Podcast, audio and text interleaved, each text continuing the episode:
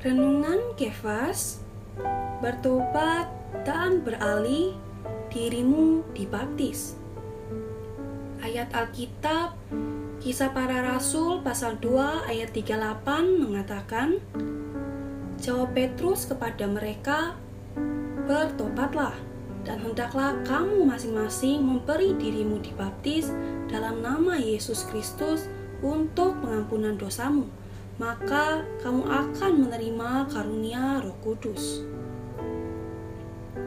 Syarat pertama untuk mendapatkan pengampunan dosa ialah harus bertobat, menyesali perbuatan yang sia-sia, dan berpaling kepada Allah. Tujuan Injil adalah supaya orang memperoleh hayat Tuhan. Sebab itu, untuk mendapat hayat Tuhan, kita perlu bertobat kita harus nampak diri kita bobrok.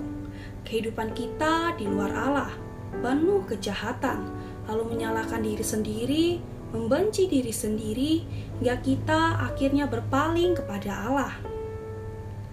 Ketika hati kita berpaling, dosa kita diampuni, barulah mendapatkan hayat Allah. Pertobatan adalah karunia yang diberikan oleh Kristus yang ditinggikan sebagai pemimpin dan juru selamat.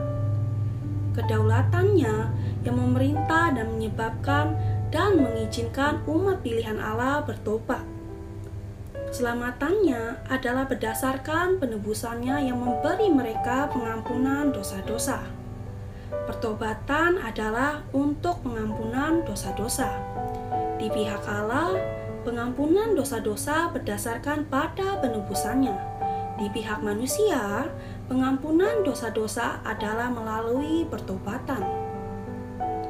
Sobat Kefas yang terkasih, ada satu poin penting dalam kisah para rasul pasal 2 ayat 38. Dibaptis. Ini adalah satu perbuatan yang timbul karena seseorang percaya Tuhan Yesus lalu menerima karunia keselamatannya. Sebelum percaya, harus bertobat, baru dapat percaya dan kemudian dibaptis. Karena itu, pembaptisan berhubungan dengan pertobatan dan keselamatan. Mari kita berdoa. Terima kasih atas firman-Mu yang ajaib membuat aku bisa mengenal melalui bertobat, aku bisa mengalami pengampunan dosa. Amin.